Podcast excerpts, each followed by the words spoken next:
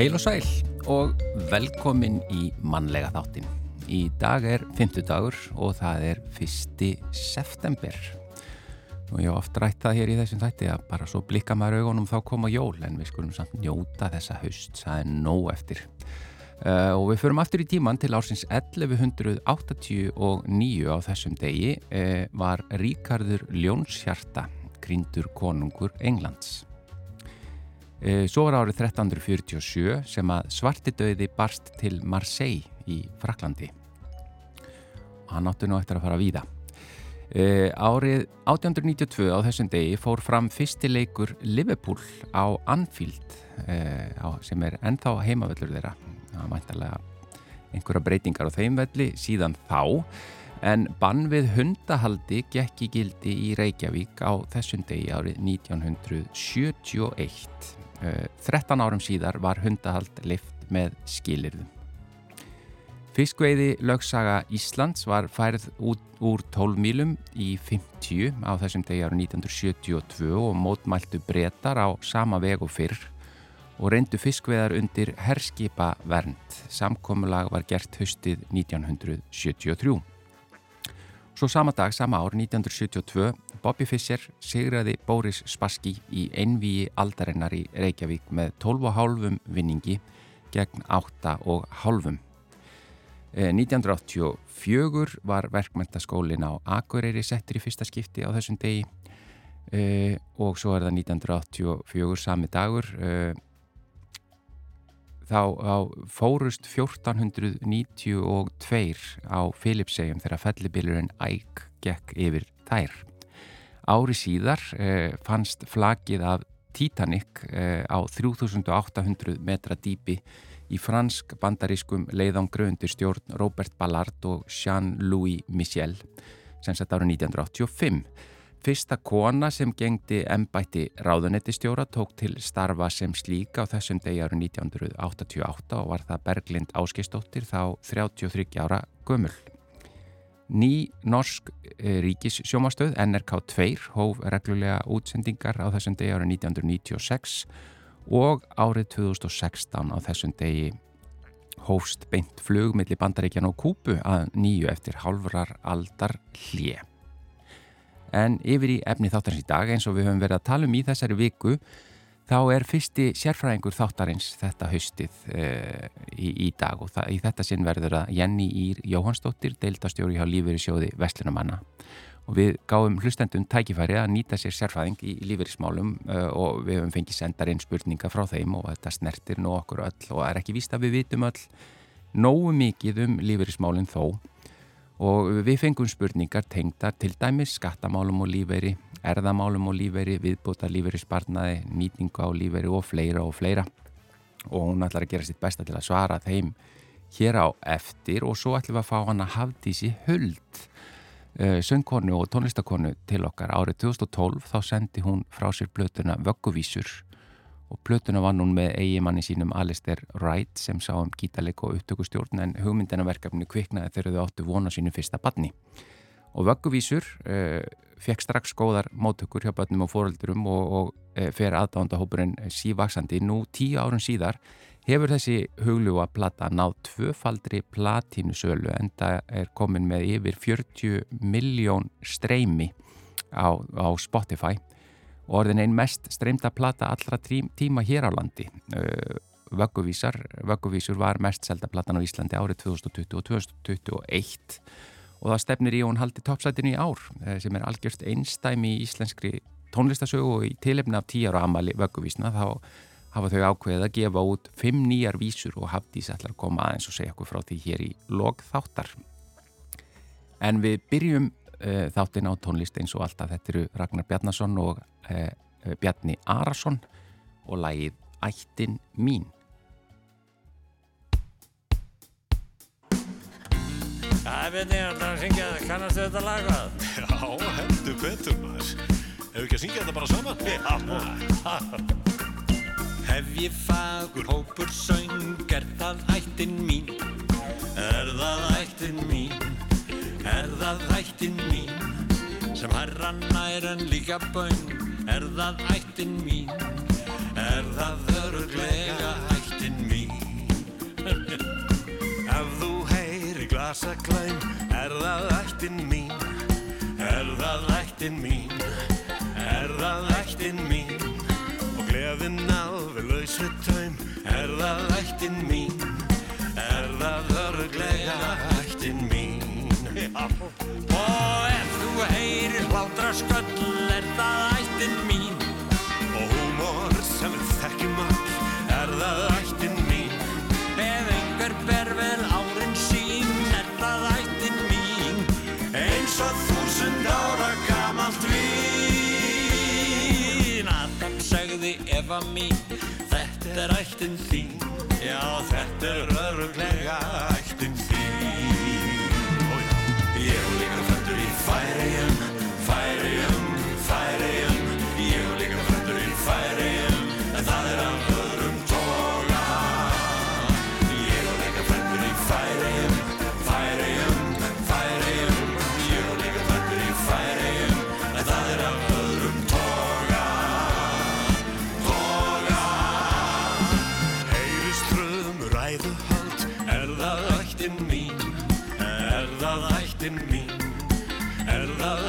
mín?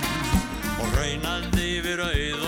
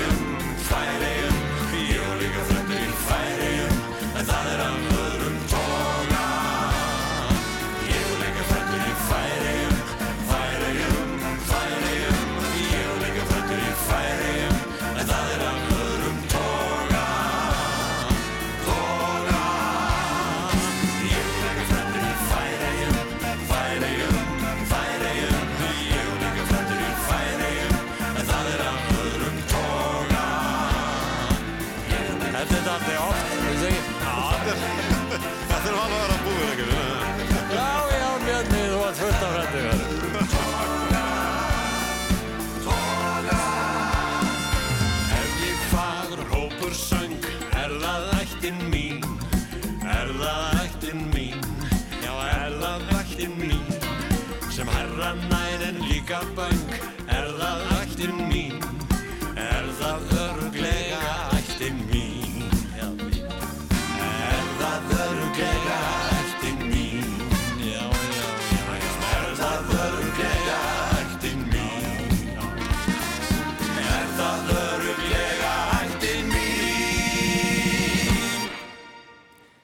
Er það ættin mín? Þetta lag heitir Ættin mín. Þetta voru Ragnar Bjarnason og Bjarni Arason og lag og texti eftir Bjarna Hafþór Helgason. En það er komið að fyrsta sérfræðingnum í þættinum þetta höstið. Eh, Hingaði komin Jenny Ír Jóhansdóttir, deildastjóri hjá Lífeyri sjóði Vestlunumanna. Velkomin í mannlega þáttin Takk hjálpa fyrir. og takk fyrir að taka það að þér að vera sérfræðingur. Við höfum fengið talsetta spurningum, sendum inn eh, frá hlustendum, en það er þetta eh, eins og við höfum svona talað um í kynningu að, að við ættum kannski öll að vita eh, helst allt um þessi mál, eh, en ég er einn af þeim sem að veit ekkert sérstaklega mikið um þau þó að þetta séu þau mjög mikilvæg. Þá er ágætt bara að kasta fram spurningum og sjá hvort, hvað svör maður fær. Eh, En bara aðeins til að kynast þér, eh, þú ert deildastjóri hjá Lífeyrisjóði Vestlunumanna. Hva, hvað fælst í því starfi? Já, sérst, það passar. Ég sérst er hérna, ég byrjar svona frá byrjuninni, ég sérst búin að starfa hjá Lífeyris og Vestlunum hann núna í tíu ár, þrátt fyrir að vera frekar svona ung. Uh, ég byrjaði, sérst, hvað, sumar, sumari 2012, það var 26 ára gömul og sækjum hjá sjóðunum, veit í rauninni lítið sem ekkert um lífeyrismál á þeim tímapunkti. Um, fæ starf í þjónustuverinu á þeim tíma sem að er í rauninni bara svona frábær staði til að byrja á. Þú veist, þú ert þarna í rauninni í beinum tengslu við sjóðfélagan, allar fyrirspurning koma þar inn og svo ertu í tengslu við allar deildir sjóðsins, þannig að þú þarfst að vita svolítið mikið um uh, starfseminna í heild. Uh, og það er í rauninni þannig að hlutverk, hlutverk lífeyrissjóðsins er ekki engangu að greiða út lífeyri, þannig að við erum líka að taka mótið gjöldum ávaksta og svo greiða út lífeyri, þannig að það eru marga deildir innan hús. Já. Við erum með skráningadeild sem að tekur á mótið yðgjöldunum Við erum með innheimtudel sem að þá innheimtar yðgjöld sem eru ágreitt. Við erum með egnastýringu sem ávakstar uh, yðgjöldin og svo erum við með lífeyristeldina sem að greiðir út uh, lífeyrin og svo um leið að þú verður sjóðfélagi og byrjar að greiði sjóðin að þá áttur rétt á að sækja um lán. Þannig að það eru allar þessar deldir og sem starfsmæður þjónustöversins að þá ertu í samskiptum og færið gríðilega mikla þekkingu. Þannig ég byrja þar sömurinn 2012 uh, fer síðan fæ fastráningu hérna hjá sjóðunum uh, eh, 2013 og fer þá í lífeyristeldina og þá fer maður svona dýbra í lífeyrismálin Já. Er það kannski ekkit skrítið að við bara, það er að segja ég út í bæ, að ég viti kannski ekkit rosalega mikið um þessi mál Það er bara ekkit skrítið. Og Já. það er kannski að því að við erum ekkit rosalega tengt þessu málum í byrjun. Þetta eru unni launagreðendur sem eru að taka yðkjöldin frá laununum og greiða til lífeyrisjósins þannig að kannski tilfinning og snertifluturinn er ekkert rosalega mikið að þannig í byrjun. Já. en það skiptir samt alveg rosalega miklu máli að við sínum okkar lífeyrismálum áhuga alveg helst frá byrjun að því við getum alveg haft áhrif. Já, og kannski einhvað sem við breytum snemma getur haft eh, meiri áhrif að, að gera það snemma Já, algjörlega, þú veist, þetta er líka bara þú veist, bara það þegar þú tekur lán að að hafa í huga að vera skuldlast þegar þú byrjar á lífveri. Það getur skipt rosalega miklu máli því að við vitum í rauninni þegar við hættum að vinna að þá verður skerðing á tekjum. Já, þú meinar að, að þegar maður að taka til dæmis eins og húsnæðislán, Já. að maður veldi fyrir sér hvaða er lánt lánið, hvertur lengi út að borga því og helst að vera búin að borga því þegar lífeyri sjóðunum tekur við. Já, það skiptir bara rosalega miklu máli því að við Já. kannski, þú veist bara það, við vitum að rástunum tekjur lækka þegar við hættum að vinna. Já. Þannig að bara það að vera ekki að greiða 100.000 af húsnæðismál hérna, lánum eða bílalánum að það bara skiptir gríðilega miklu máli og breytir stöðinu algjörlega þegar þú hérna, við starfslokk. En við, eins og við sjáum kannski á eftir að því við fengum fullt af spurningum sendum inn að, að þið auðvitað sem lífeyrisjóður starfið í, í lagaumhverfi og regluumhverfi Uh, sumar spurningarna snúa mögulega að því sem að þið haf, kannski hafið ekki, getið ekki breytt einun en einu að þið, þið starfið í því umhverfi.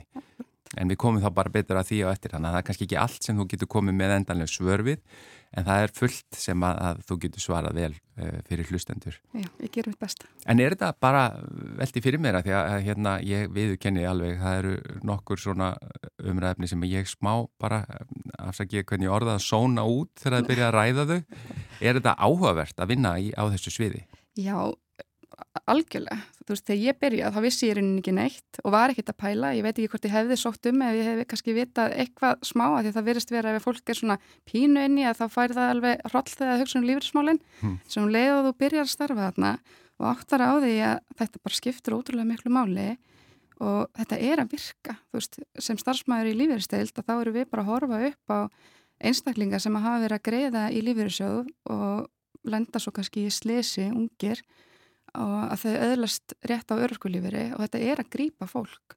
Þannig að þetta er að skipta máli og þá byrjar maður svona að fá meiri áhuga og svo sér maður að maður getur sjálfur gert eitthvað til þess að hafa áhrif á lífeyrin sinn. Já. þannig að þetta, er, þetta skiptir ótrúlega miklu máli Og er það því við nú gefum við tækifæri fyrir fólk að senda inn spurningar og erum, er, því miður eiginlega orðið fullt þannig að það er ekki að ennþá er ekki að senda ennþá inn en þið eru vantilega að fá ótal spurningar á hverjum degi, ekki satt? Frá... Jú, rosa mikið og, og hérna, marga spurningar fara náttúrulega í gegnum þjónustuverið og svo, og svo kemur það líka inn í deildirnar og stór partur af starfinu er náttúrulega lífris ráðkjöf. Já, já. Þannig að við erum að eiga spjöll bara alls konar spurningar sem við erum að fá og erum að reyna ráðleggja og, og benda á hérna góðatrið sem að geti þá hérna gagna sjöðfélaginu. Þannig að sko talandum ráðgjöf, uh, það er ekki bara, maður er ekki bara að borgi lífeyri sjóð og þar með þetta búið heldur, það eru hvað alls konar leiðir sem að hægt er að fara. Já, kannski þegar kemur á útgræslu sko lífeyris að þá er alls konar, fólk er að velta fyrir sér á ég að byrja 65 ára eða 67 ára, hvenar ég byrja á treykingastofnun, hvenar ég að leysa út sérregnarspartnaði minn, mm -hmm. þannig að það er alls konar útfæsluður og margt sem þarf að í huga þegar maður byrjar.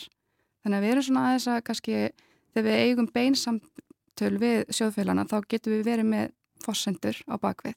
Þannig að það er auðveldar að stýra hérna, eða aðstóða sjóðfélagana við að setja upp áætlun. Já. Sko, vindum okkur bara beint í spurningarnar. Okay. Því að nú bara þannig við náum í gegnum það, því að þær eru talsveit margar. Eh, ég bara byrja á fyrstu, þú tilbúin. Mm -hmm. Komið sæl, ég með spurningu eða fyrirspurt til sérfræðingsins varðandi sérregnarsparnað. Ég hef heyrt að í bíker sé hjá stjórnvöldum að um áramót standi til að skerða greiðslur eftirlauna frá TR sem er þá tryggingastofnun, ekki satt? Akkurat. Já, við úttækt á sérregnarsparnaði. Getur þetta verið rétt, góð kveðja með von um góð svör? Já. Takk fyrir þessa spurningu. Sagt, það er rétt. Alþengi samþætti núni í júni 2022 breytingu á lífyrirsjóslögunum sem að taka síðan gildi frá með janúar 2023 á næsta ári. En það er sérst hviðið á um að láma séðgjald í lífyrirsjóði hækki um sérst úr 12% í 15,5%. Og það er þá einnig tala þar um að öll sérregn sem að myndast á þessu lámarsiðgjaldi, það 15,5%, að hún mun hafa áhrif og skerða ellilíferi hjá tryggingastofnun. Og þetta er eitthvað sem var ekki áður og er nýtt. Uh, en aftur á móti sko vil taka fram að þetta nær ekki til einstaklingar sem eru nú þegar byrjaðir á ellilíferi hjá tryggingastofnun. Þannig að sérregnin mun ekki skerða þeirra lífri þetta á engungu við þá sem er að byrja frá og með janúar 2023 Já. Og þetta á sko kannski líka taka fram að þetta á engungu við um þá sérreg sem myndast af lámars yðgjaldinu 15.5 ekki frjálsu sérregn viðbúta lífið spartna. Það er, það er hérna það sem að þú hefur val um að greiða þá leggur þú annarkort 2-4% af þínu launum valfrjálst á í sérregnarspartnað og færð mótframlega frá launagræðenda. Já. Það mun ekki hafa áhrif á greiðslur hjá tryggingarstofnun. Þetta er held í hlutu sem að mörgum finnst flókið. Það er þetta með sérregn og viðbótalíferi spartnaðin. Eh, getur útskilt bara í stuttum máli aðeins bara munin á þessu og bara... Já, það er sérstaklega bara sangvært lífyrsjóðslögunum að þá ber öllum launandi fólki að greiða í lífyrsjóð uh, af skattskildin tekjum og það er þá þessi skildu bundna yðgjald sem er þá fer úr 12% í 15,5%. Þannig að það er bara skilda. Uh, Lífyrirsjóðnir er mismunandi eins og ég lífyrir svo verslanmann þá hefur þetta yðgjald, uh, skildubundið yðgjaldi farið í svo kallan samtryggingar hluta sem að, sem að gefur eða veitið svona tryggingu til ævilangs lífyris. Uh, einhverju sjóðir er með þannig að hluti fyrir samtryggingu og hluti fyrir sérregn. Mm. Þannig að þetta er þetta er partur af þessu skildubundna yðgjaldi, þú verður að greiða þetta. En síðan þetta valfrjálsa, það er, það er ekki skilda, heldur þú hefur valið en er gríðilega vermætt vegna þess að þú leggur til 24% á laununuðinum en færð í rauninni mótframla frá launugröndu 2% þannig að þetta er í rauninni bara eins og launahækkun. Á einu bretti. Þannig að, þannig að þetta, er, hérna, þetta er spurningu um það sem er skilda samkvæmt lögum og svo það sem er það bara valfrjálst og þetta valfrjálsa sem er svona viðbóta spartnar það er ekki að fara að hafa áhrif á ellilífiri hjá tryggingastofnun. Og þannig að einu sinni enn, að því að nú er ég að reyna að skilja þetta, þannig að með þessi, þessi nýlög, það, það hækkar þessi grunnur Já. sem þú greiðir. Já, þessi skilda. Já, en hvaða áhrif hefur þetta á síðan lífeyri sjóðs greiðslunar hjá okkur sem að lendum í þessu? Sko, þetta er rauninni þessi hækkun verður þess að þú átt bara hæri réttindi já. hjá sjónum. Já. Það eru rauninni breytingarna sem að, sem að verða, sko. Já, já, og en þessi skerðing á greiðslum frá tryggingastofnun, já. hún er þá, hvernig tilkomin og hvernig virkar hún þá? Hún, hún er í rauninni, sko, uh, tryggingastofnun, þú getur sótt um allir lífið þar mhm. -huh. og þeir eru með svona frítekjumörk þar sem að þeir horfa á ef að þú farið einhverja greiðsli frá lífur í sjónum og þá hefur það áhrif að þá upp það sem þú farið frá allir lífurinu, frá tryggingastofnun.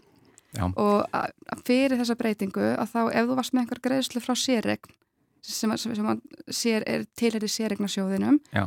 að þá horfður ekki á það sem tekjur þannig að það hefði engin áhrif á greiðslun frá tryggingastofnun en núna munið þau horfa á þennan sérregnarhluta sem mun hafa áhrif á, á það greiðslur og þá til lækkunar hjá frá, Tryggingastofnun. Heyrðu, tökum eina enn og svo ætlum við að taka eitt lag og, og, og svo höldum við áfram með þetta. Uh, góðan dag, ég hef áhuga á því hvort að borgar sig fyrir fólk sem er orðið 60 ára að setja hluta af lífeyrissjós framlægi í tilgreinda sérregn. Nú tengdi það ekki sem við vorum að tala um. Akkurat. Ég hef áhuga á að fá almennar upplýsingar um tilgreinda sérregn sem þú varst kannski að koma með áðan. Uh, hvaða áhrif hefur hún á greiðslur úr lífeyrissjóðu öðrum en sérregn? Hefur hún afturvirk áhrif eða bara frá þeim degi sem farið er fram á tilgreinda sérregn, kær kvæðja? Varstu búin að kannski svara svolítið miklu af þessu eða? Í, kannski eitthvað, en kannski ef ég segi bara svona aðeins almennt um tilgrænda sérregn, Já. svona upphafiðinar, að hún sem þetta verður til með kjærasamningum ASI og SA frá 2016, það sem að mótframlega launagreðanda var hækkað um 3,5% og núna er einnig það sem hún fara inn á áðan að þetta var í kjærasamningum en núna er þetta verið að setja þetta í lögin sem að taka gildi frá janúar.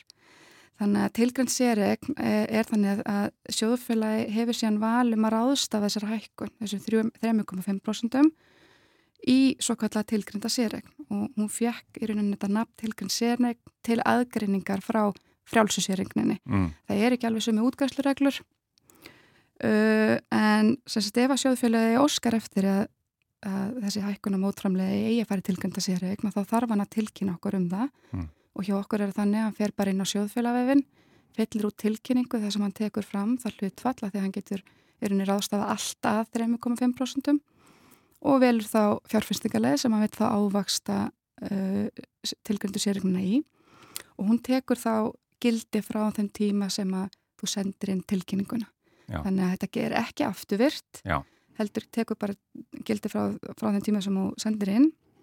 Það er alltaf átt að hætta við, þú veist þannig að ef þið snýst hugur eftir einhver tíma þá bara ferðu sömu leið, skilar inn tilkynningu og óskar það eftir að, að, að þá hlutin fari í samtryggingarhlutan. Þannig að í rauninni ef þú gerir ekki neitt Mm. að þá fer þetta í samtrygginguna Já.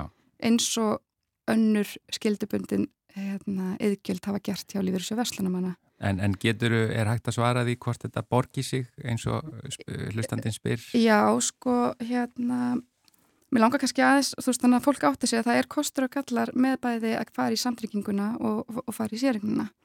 Uh, ef ég svona útskýri stuttlega hvað samtrygging þýðir, Mm að þá ert ekki að eignast einhver ákveðna innegn eins og í sérregn.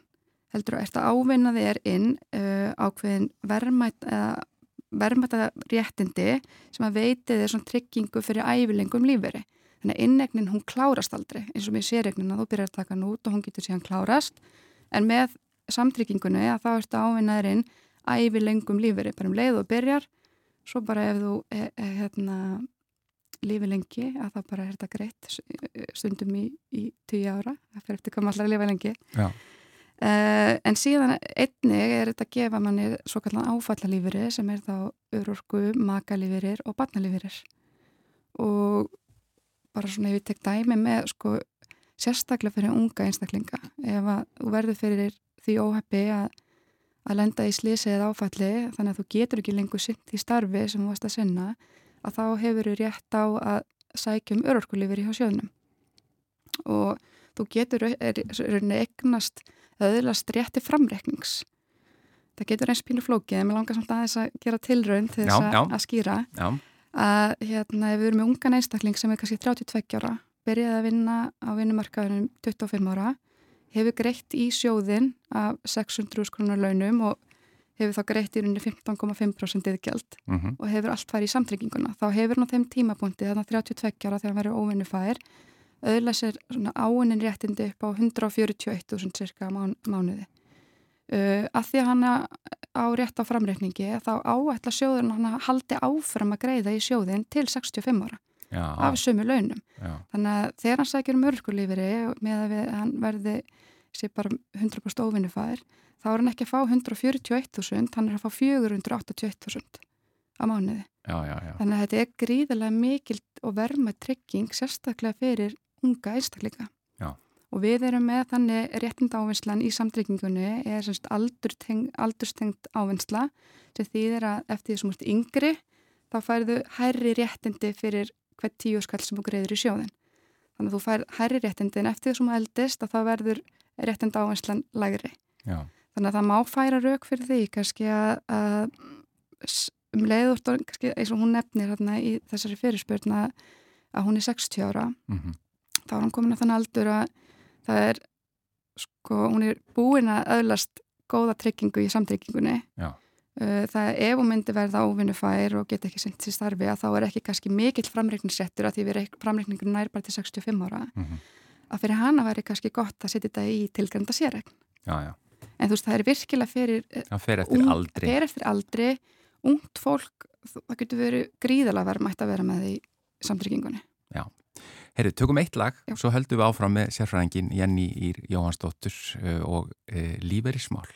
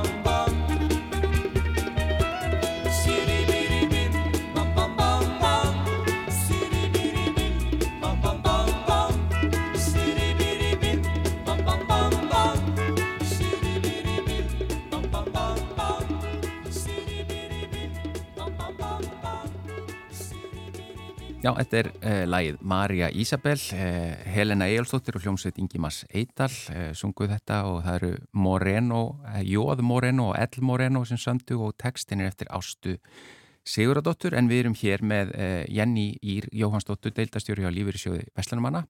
Hún er að svara spurningum sem komu inn frá hlustendum. Við vindum okkur bara í áfram því að þetta eru marga spurningar. Næsta spurning, komið sæl, ég hef áhuga að vita hvernig íslenski lífeyrissjóðir er í samanbörði við lífeyrissjóði í löndunum sem við berum okkur saman við, til dæmis Norðurlöndin. Hvernig er staða okkar sem borgum í íslenska lífeyrissjóði miða við þeirra sem gera það í þessum löndum? Já, Þetta er kannski stór spurning. þetta er stór spurning en, en kannski byrjaði að það getur verið mjög flókið að bera saman lífeyriskerfi um, annara landa því þau eru mjög ólík hvernig þau eru byggð upp. En það er þó algengt að við flokkum lífeyriskerfi í sagt, uh, tvö kerfi eða það er svona oft talað um það að það er sagt, svona gegnumstreymi kerfi og sjóðsöfnunarkerfi. Mhm. Og ef ég svona fer aðeins hérna, stuttlega í hvað það þýðir að þá er sem sagt gegnum streymi kerfi er svona kerfi sem er að borga lífeyrisþegum uh, f- beint af tekjum þeirra sem eru vinnandi. Og við þekkjum þetta svolítið með almannatryggingakerfið, hérna, tryggingastofnun, þar sem að það er á fjárlögum hvers árs og það er þá skattgreiðendur sem að eru að fjármagna almanandryggingarnar. Já, Uh, það eru lönd sem að eru með slík kerfi og þau hafa verið að lendi í miklum vanda núna vegna þess að samsetning þjóða er að breytast mjög mikið. Það er að segja að fólk er að lifa lengur og er þar lendi lengur á lífveri en á sama tíma þá er, uh, eru fólk að eignast færri börn. Þannig að það verða færri á vinnamarkaði til þess að vinna fyrir lífveri fyrir þá sem er, á lífveri. já, færi sem standa undir greiðslónum. Já, já, Þannig að, hérna, en síðan erum við með þetta sjóðsöfnunarkerfi sem þýðir þá að það er bara ein kynslu, hver kynslu er að sapna fyrir sjánu að sig Já, og við þekkjum þetta svolítið með lífyrsjóskerfi. Þannig að þú ert á vinnumarkaðunum og þú leggur til uh, hluta þínum launum í sjóð hjá lífyrsjóðunum og vinnuveitandi greiðir þá mótframlega á móti. Og með þessu erum við að byggja upp mjög stert kerfi þar sem að það eru einhver eignir á bakvið réttindin. mhm, Um, það eru kannski, það er sjálfnast kannski þannig að, lönd séu bara með hrein gegnumströmmikerfi eða hrein sjóðsöfnunarkerfi uh, þótt að það sé þá til en eins og hjá okkur þá er þetta blanda. Mhm, og í gegnum tíðina þá hefur svona vægi kannski almannatryggingarnar farið svona minkandi með auknum greiðslum úr lífyrsjóskerfinu en hérna það hafa verið gerðar sagt, að það hefur verið gerður samanburður á líf, lífyrskerfum uh, mismundaríkja og meðal hans hefur þá efnas og, og framfarstofnun og OECD gert slíkan samanburð og þar hefur Ísland komið mjög vel út. Og svo reyni uh, þekkt ráðgjafafyrirtæki, Mercer, sem að gefur út svona lífeyris vísitölu og Ísland var með í þeirri vísitölu í fyrsta skipti í fyrra, 2021 og við eruðum þar efst. Uh, og eftir okkur kom svo Holland og Danmörk sem að eru svona þau lönd sem að hafa verið þekkt fyrir mjög góð kerfi. Þannig að við erum mjög stolt að vera þarna í samflóti við þau þannig að það má kannski segja að við stöndum okkur mjög vel og það er ekki við sem erum að leggja í rauninni mat á, á hérna eigin framistuð. Þetta eru alþjóðlega fyrirtæki, virt, virtarstofnanir sem eru að að leggja mat út frá sínum fósundum og fá þessar neðstöður. já, já. Ég vona að þetta hafi svarað uh, spurningunni. Uh, næsta spurning, góðan dag, nú er ég að nálgast eftirlauna aldur og er að velta því fyrir mér þar sem ég hygg ekki á að hætta strax, uh, strax og ég er komin á aldur eða minnstakosti mun ég eitthvað vinna áfram þó það sé kannski ekki fullri vinnu. Hvað verður um það sem ég borga í lífeyrissjóð eftir að ég byrja á lífeyri? Já, það er sem sagt, það er hægt að byrja á lífeyri þrátt fyrir að vera ennþá að vinna og launatekjur hafa ekki áhrif á ævilanga lífeyri hjá lífeyrissjóðunum en það er líka þannig í lögunum að þið ber skilda að greiða uh, í lífeyrissjóð á skattskildum tekjum til 70 ára. Þannig að ef þú ert að vinna fram að því þá verður að greiðin í kerfið. En þú getur aftur móti hérna byrja að taka lífeyrin út og fengi þá bara hérna lífeyrin samlega launum en þú heldur áfram að greiða og við sagt, endur ekkunum síðan réttindin. Við gerum það við 67 aldur og svo 70 ára þannig að ef það er eitthvað búið að bætast við eftir og byrjaðar að taka út lífeyrin að þá bætist það síðan bara við mánæli réttindin. Já. Já, ég vona að þetta hafi svarað þessari. Næsta spurning, ég er með spurningu sem mér finnst ég ekki hafa fengið nógu skýr svör við. Er, er lífeyririnn minn skatlaður? Það er að segja á ég eftir að borga skatt af innegn minni í lífeyrisjóðan? Já, það, hérna, lífeyrin er skatlaður eins og bara aðrar uh, aðtunni tekjur. Þannig að þegar yðgjöldin eru greitt inn í lífeyrisjóð þá er ekki búið að taka skatt af þeim en það er síðan tekin, tekjuskattur við útgræslu. Já, þetta var nú stutt og gott svar. Þá næsta, halló, ég hef spurningar sem varða erðarétt og líferi. Hvað á maki minn rétt á að fá af mínum líferi eftir að ég degi? Erfist innegn í líferisjóðum og erfist tilgreind sérregn? Já, sem sagt maki á rétt á makalíferi við andlátt sjóðfélagan og í gróðum dráttum það er þannig að hann á rétt á 60% af áunum réttindum uh, sjóðfélagans og uh, þarna er mitt ef þetta er ungur einstaklingur sem fellur frá eins og fór inn á framrækningin á þann Já. að þá er þetta ekki 60% af þeim ánuréttindum sem hann er með í dag heldur er það upphæðin þá eins og hann hefði haldið áfram að greiði sjóðin til 65 ára sem er greiðilega verðmætt. Uh, makalífurinn er grættur í lámarki þrjú ár uh, eða þar til yngsta batn 23 ára, þannig ef að ungur einstaklingur fellur frá uh, skilætur eftir sér maka og batn, að þá, er, þá getur batnir einsás og þá er makalífinu greittur þar til uh, batnir er 23 ára. Og svo er það líka ef að makin er metin með örorku að þá er makalífurinn greittur þar til uh, makin er 67 ára eða á meðan hann er með örorkumat gilt. Já. Þannig að það eru ymsa leiðir varðandi hversu lengi makalífurinn er greittur og það þarf það bara að meta það uh, fyrir hvern og einn og allt er alltaf besta leiðin eða hafkvæmasta leiðin valin. Já, uh, bara yfir í næstu, þetta er bara færiband hérna, við erum uh, með það mikið að spurningum. Uh, næsta spurning, góðan dag, ég er 65 ára og er að sækja um elli líferi hjá Tryggingastofnun og hjá líferi sjóðum mínum. Ég er að vinna 40% starf, var búin að vera á örorku í um það byrj 10 ár og vann hlutastarf einnig 30 til 40 til 60%. Er eitthvað sem mælir gegn þessum gjörningi, bestu hverjur? Já, takk fyrir þetta. Uh, Það er sem sagt, það er raunin ekki sem mælir gegni en það er kannski gott að hafa í huga að eins og hjá lífýrasjónum að það með, meðast í rauninni áinni réttindi við 67 ára aldur þannig að ef þú byrjar fyrir 65 ára þá verður 15% skerðing eða lækkun á upphæðinni sem þú færð og í rauninni ef ég horf bara fyrst á lífýrasjóðuna þá hefur uh, launagreðslur, þannig að hún heldur áfram vinna hún talar um að vera í 40% starfi að það hefur engin áhrif á ævilangan líferi uh, en það er kannski líka bara að skoða eins og hjá tryggingastofnun að, að ef þú byrja 65 ára þar að það er 15% lækkun þar. Uh, og það eru frítekjumörk í rauninni hjá tryggingastofnun. Þannig að þú getur unnið uh, fyrir atvinntekjum með að vera 200 krónur. Ef það fara umfram 200 krónur þá verður skerðing á líferinum eins með lífeyrissjóði ef að tekjur frá lífeyrissjóði fara umfram 25.000 að þá verður skerðing á réttindum hjá tryggingastofnun. Þannig að þetta eru svona hluti sem þarf kannski að hafa í huga og hérna og við erum bara velkomið líka að hafa samband við okkur þú veist, Já. ef þú vil fá skýrari kannski svör og, og eins og ég nefndi á þann að það er hægt að setja hérna fossendur ólíkra einstaklega upp. Þannig að eins og í hennar tilfelli var þetta að skoða kannski að byrja ef hún er að vinna, byrja bara hjá lífyrirsjónum einhvern tíma já, og senka það að byrja allir lífyrir tryggingarstofnun en, en hérna, já, já, það er, er hægt að hafa samband og fá uh, svona þessar ólíku leiðir bara út frá akkurat því Já. sem að maður sjálfur á. já, Já. að hafa samband við okkur ef að við erum lífyrirsjóðurinn við komandi aðila en við þetta hafa það bara samband við sinn sjóð Já, en við fögnum öllum fyrirspörnum okkur við skaman að heyra í sjóðfélunum já. Hér er uh, ein spurning. Ég sem lífeyristegi hjá lífeyrissjóði Vestlunmanna vil byrja að þakka stjórn og starfsmönnum sjóðsins góða ávöxtun og hækkun til lífeyristega. Þannig að það er komin til skila. Já, takk fyrir Nokkuð sem aðri lífeyrissjóðir hafa ekki framkant hjá sínum félögum. Já. Svo koma hérna bara þrjár spurningar. Spurning, ætti það ekki vera baráttumál sjóðsins að ávöxtun, e, skástrík vextir, séu ekki skatlaðir eins og lífeyririnn sjálfur?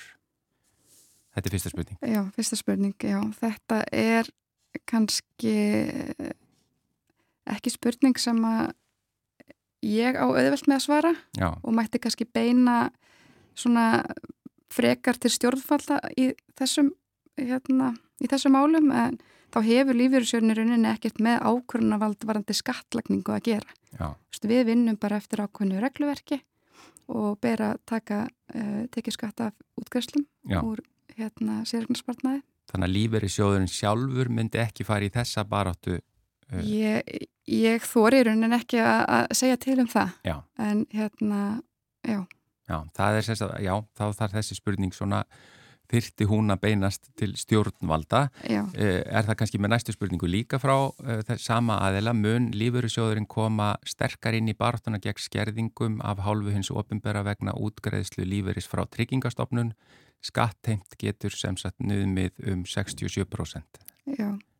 Uh, en þetta er sko sannarlega málefni sem að hefur eh, brennir á fólki og við fáum alveg að heyra þetta reglulega og eins og ég nefndi á þann að þá er í rauninni vægi almanna tryggingar að minka með auknum greiðslum úr að- og það er fyrst og fremst út af þessari tekju tengingu og það hefur verið ágrinningur um hvort að þessi tekjutenging eigi bara hreinlega rétt á sér eða sé bara of brött. Og það er landsamtökin sem er þá lífur, hérna, landsamtök lífeyrissjóða þau hafa verið að halda þessari gaggrinni í rauninni á lofti og, og, og fjallað um þetta Mhm.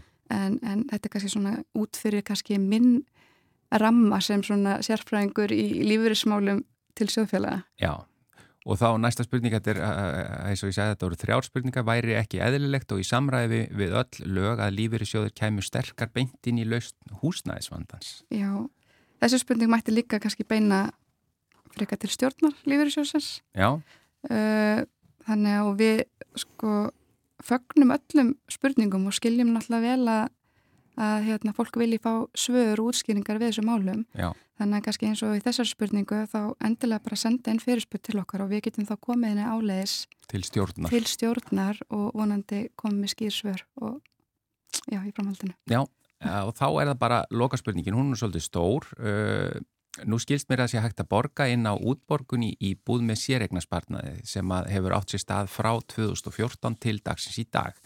Það sem ég síðan les er að það sé aðeins hægt að borga 500.000 á ári fyrir einstakling. Er þetta rétt? Ég er eina þeim sem langar að nota þennan sparna til að kaupa mér íbúð og finnst helviti hart að ég megi ekki bara nota mínar fjórar miljónir til að hjálpa mér að kaupa íbúð heldur aðeins fá leiði til að nota 500.000 á ári.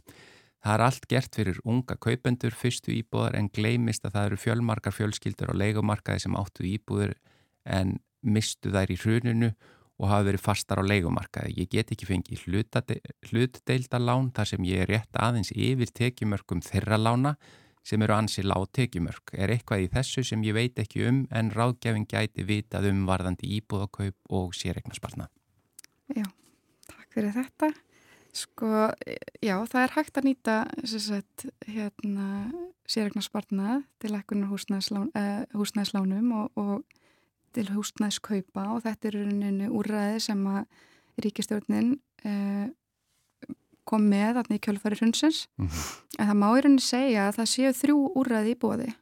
Það er annars vegar það er hægt að nýta sérregn inn á höfustólaláni og það er þá einstaklingar sem eiga fastegn sem að geta nýtt sér það um, og það er þá vegna launa sem að hafa myndast að tímabæli 1. júli 2014 eins og hún nefnir og er úrræði núna til 30. júni 2023 uh, það er líka rétt að það er hægt að hámarki einstaklingu getur nýtt 500.000 ári Mhm. en hjón eða sambúar fólk geta nýtt 750.000 samanlagt ári síðan er annað úrræði sem að er útgæðsla sérregna vegna fastegna kaupa og það er kannski meira við hérna, þessa spurningu er að það er, það er hugsa fyrir einstaklingar sem hafa átt fastegn en ekki á þessu tímabili sem ég nefndi aðan.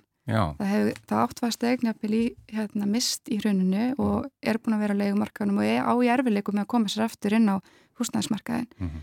og þá er rauninni skilinu fyrir þessu úræði að þú hafir ekki átt fastegn frá júli, 1. júli 2014 til uh, og þangur til að þú kaupir rauninni fastegn og hún getur þá nýtt sérregnina aftur í tíman en uh, sko umsóknar umsóknin fer í gegnum leðriting.is Þannig að hún þyrst í rauninni að hafa sambandið þá. Hún getur líka haft samband við okkur og spjallaði spötu við mig ef ég svona getur spurt fleiri spurningar í kjölfarið. En síðan er þetta þriðja úrræði sem er þá hérna, að nýta sér vegna fyrstu íbúðakaupa. Það er þá einstaklingar sem hafa aldrei átt fastegn. Það er hugsað sem einstaklingsúrræði þannig að þú getur nýtt 500 krónur ári en getur nýtt þetta yfir 10 ára tímabill. Þú ræður í rauninni hvenar það byrjar. Jenny Ír Jóhansdóttir, ég, þú, okkur tókst að komast í gegnum spurningarnar sem við fengum sendar. Já, frábært. Eh, Þakka þér kærlega fyrir, ég vona að svörin eh, og hlustendur séu ánaði með þau, en takk fyrir Jenny Ír Jó, Jóhansdóttir, deildastjóri hjá Lífeyri sjóði Vestlunumanna fyrir að vera sérfræðingur mannlega þáttarins í þetta sinn. Takk fyrir að taka mótið mér.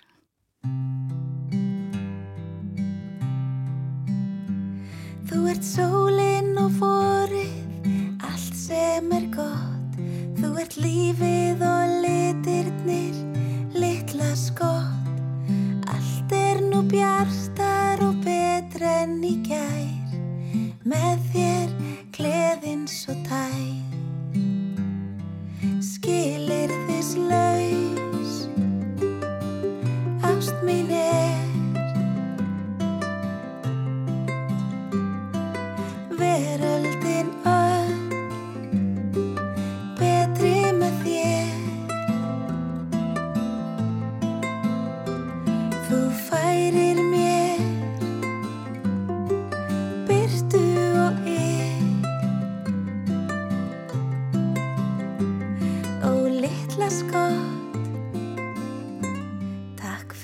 fyrir að vera til Þú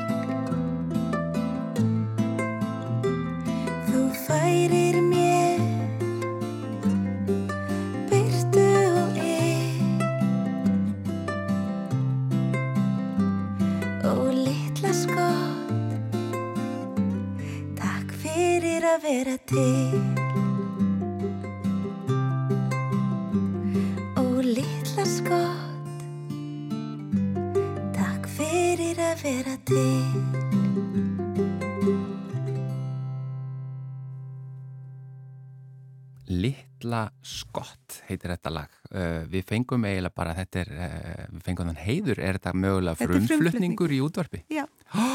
Vá, wow, uh, hingað komin Hafdís Huld Trastadóttir, takk fyrir að koma og, og takk fyrir þetta lag. Þetta Já, lag er takk fyrir eftir, að bjóða mér í þáttin. þetta er eftir þig og Alister, Já. Já, Þetta, þetta er eftir okkur. Þetta lag er sem sagt, þetta er lagið sem við sömdum fyrir són okkar vegna þess að hún kom með þá aðtöðasendum dóttur mín uh, þegar bróðurinn fættist. Mamma, ég held að bara gæti verið svolítið ósækjant. Áður en ég fættist þá sömdu þau heila plötu til einhverjað mér. Þau þurfi ekki að semja eitt lag fyrir Elliot. Þannig að ég var þetta að fara í málið. Þetta var ekki hægt. þegar hún er umbósmaður hans. Hún er umbóðsmaður hans, svona, þú veist, þá veit maður að má góða stóra systir, hún fó bara í málið, að þetta er bara ekki nógu gott, sko, að, Þetta er talsverð pressa því að fyrsta platan, þetta er bara, það er alveg ótrúlegar vinsældir hennar. Þetta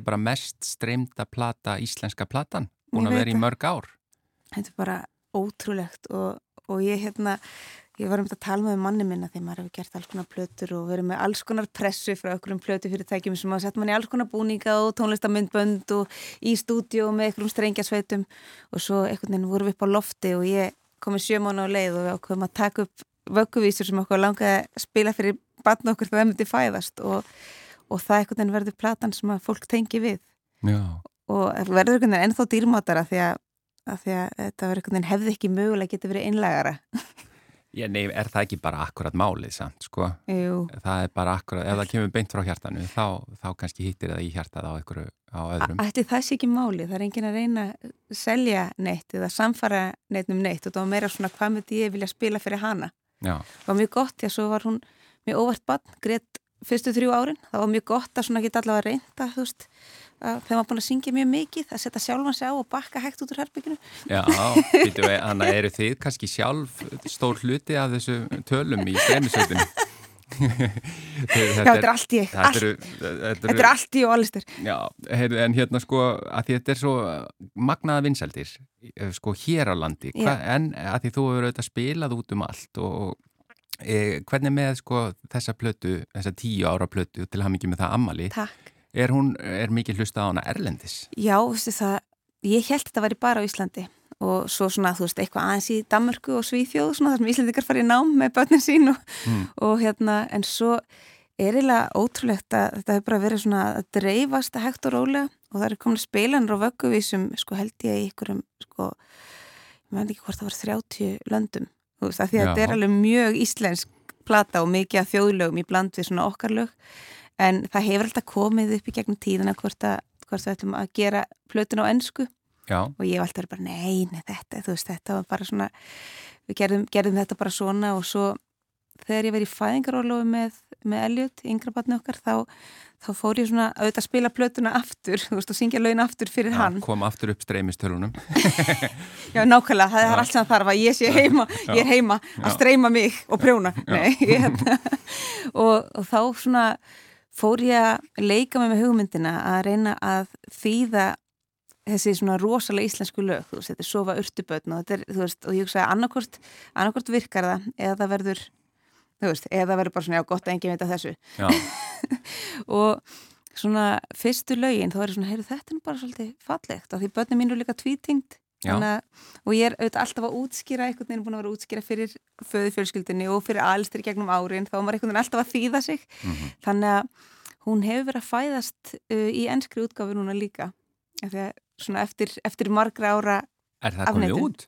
nei, Nei, það- þetta er, að- þú ert bara með stór fréttir, þú er breaking news Vá, við erum bara, við fáum að frumflýtja hér og, og svo er það bara skupp já, þannig að hún kemur út núna um, hún er að koma út núna í byrju næsta árs Það verður mest streymda plata í heiminum?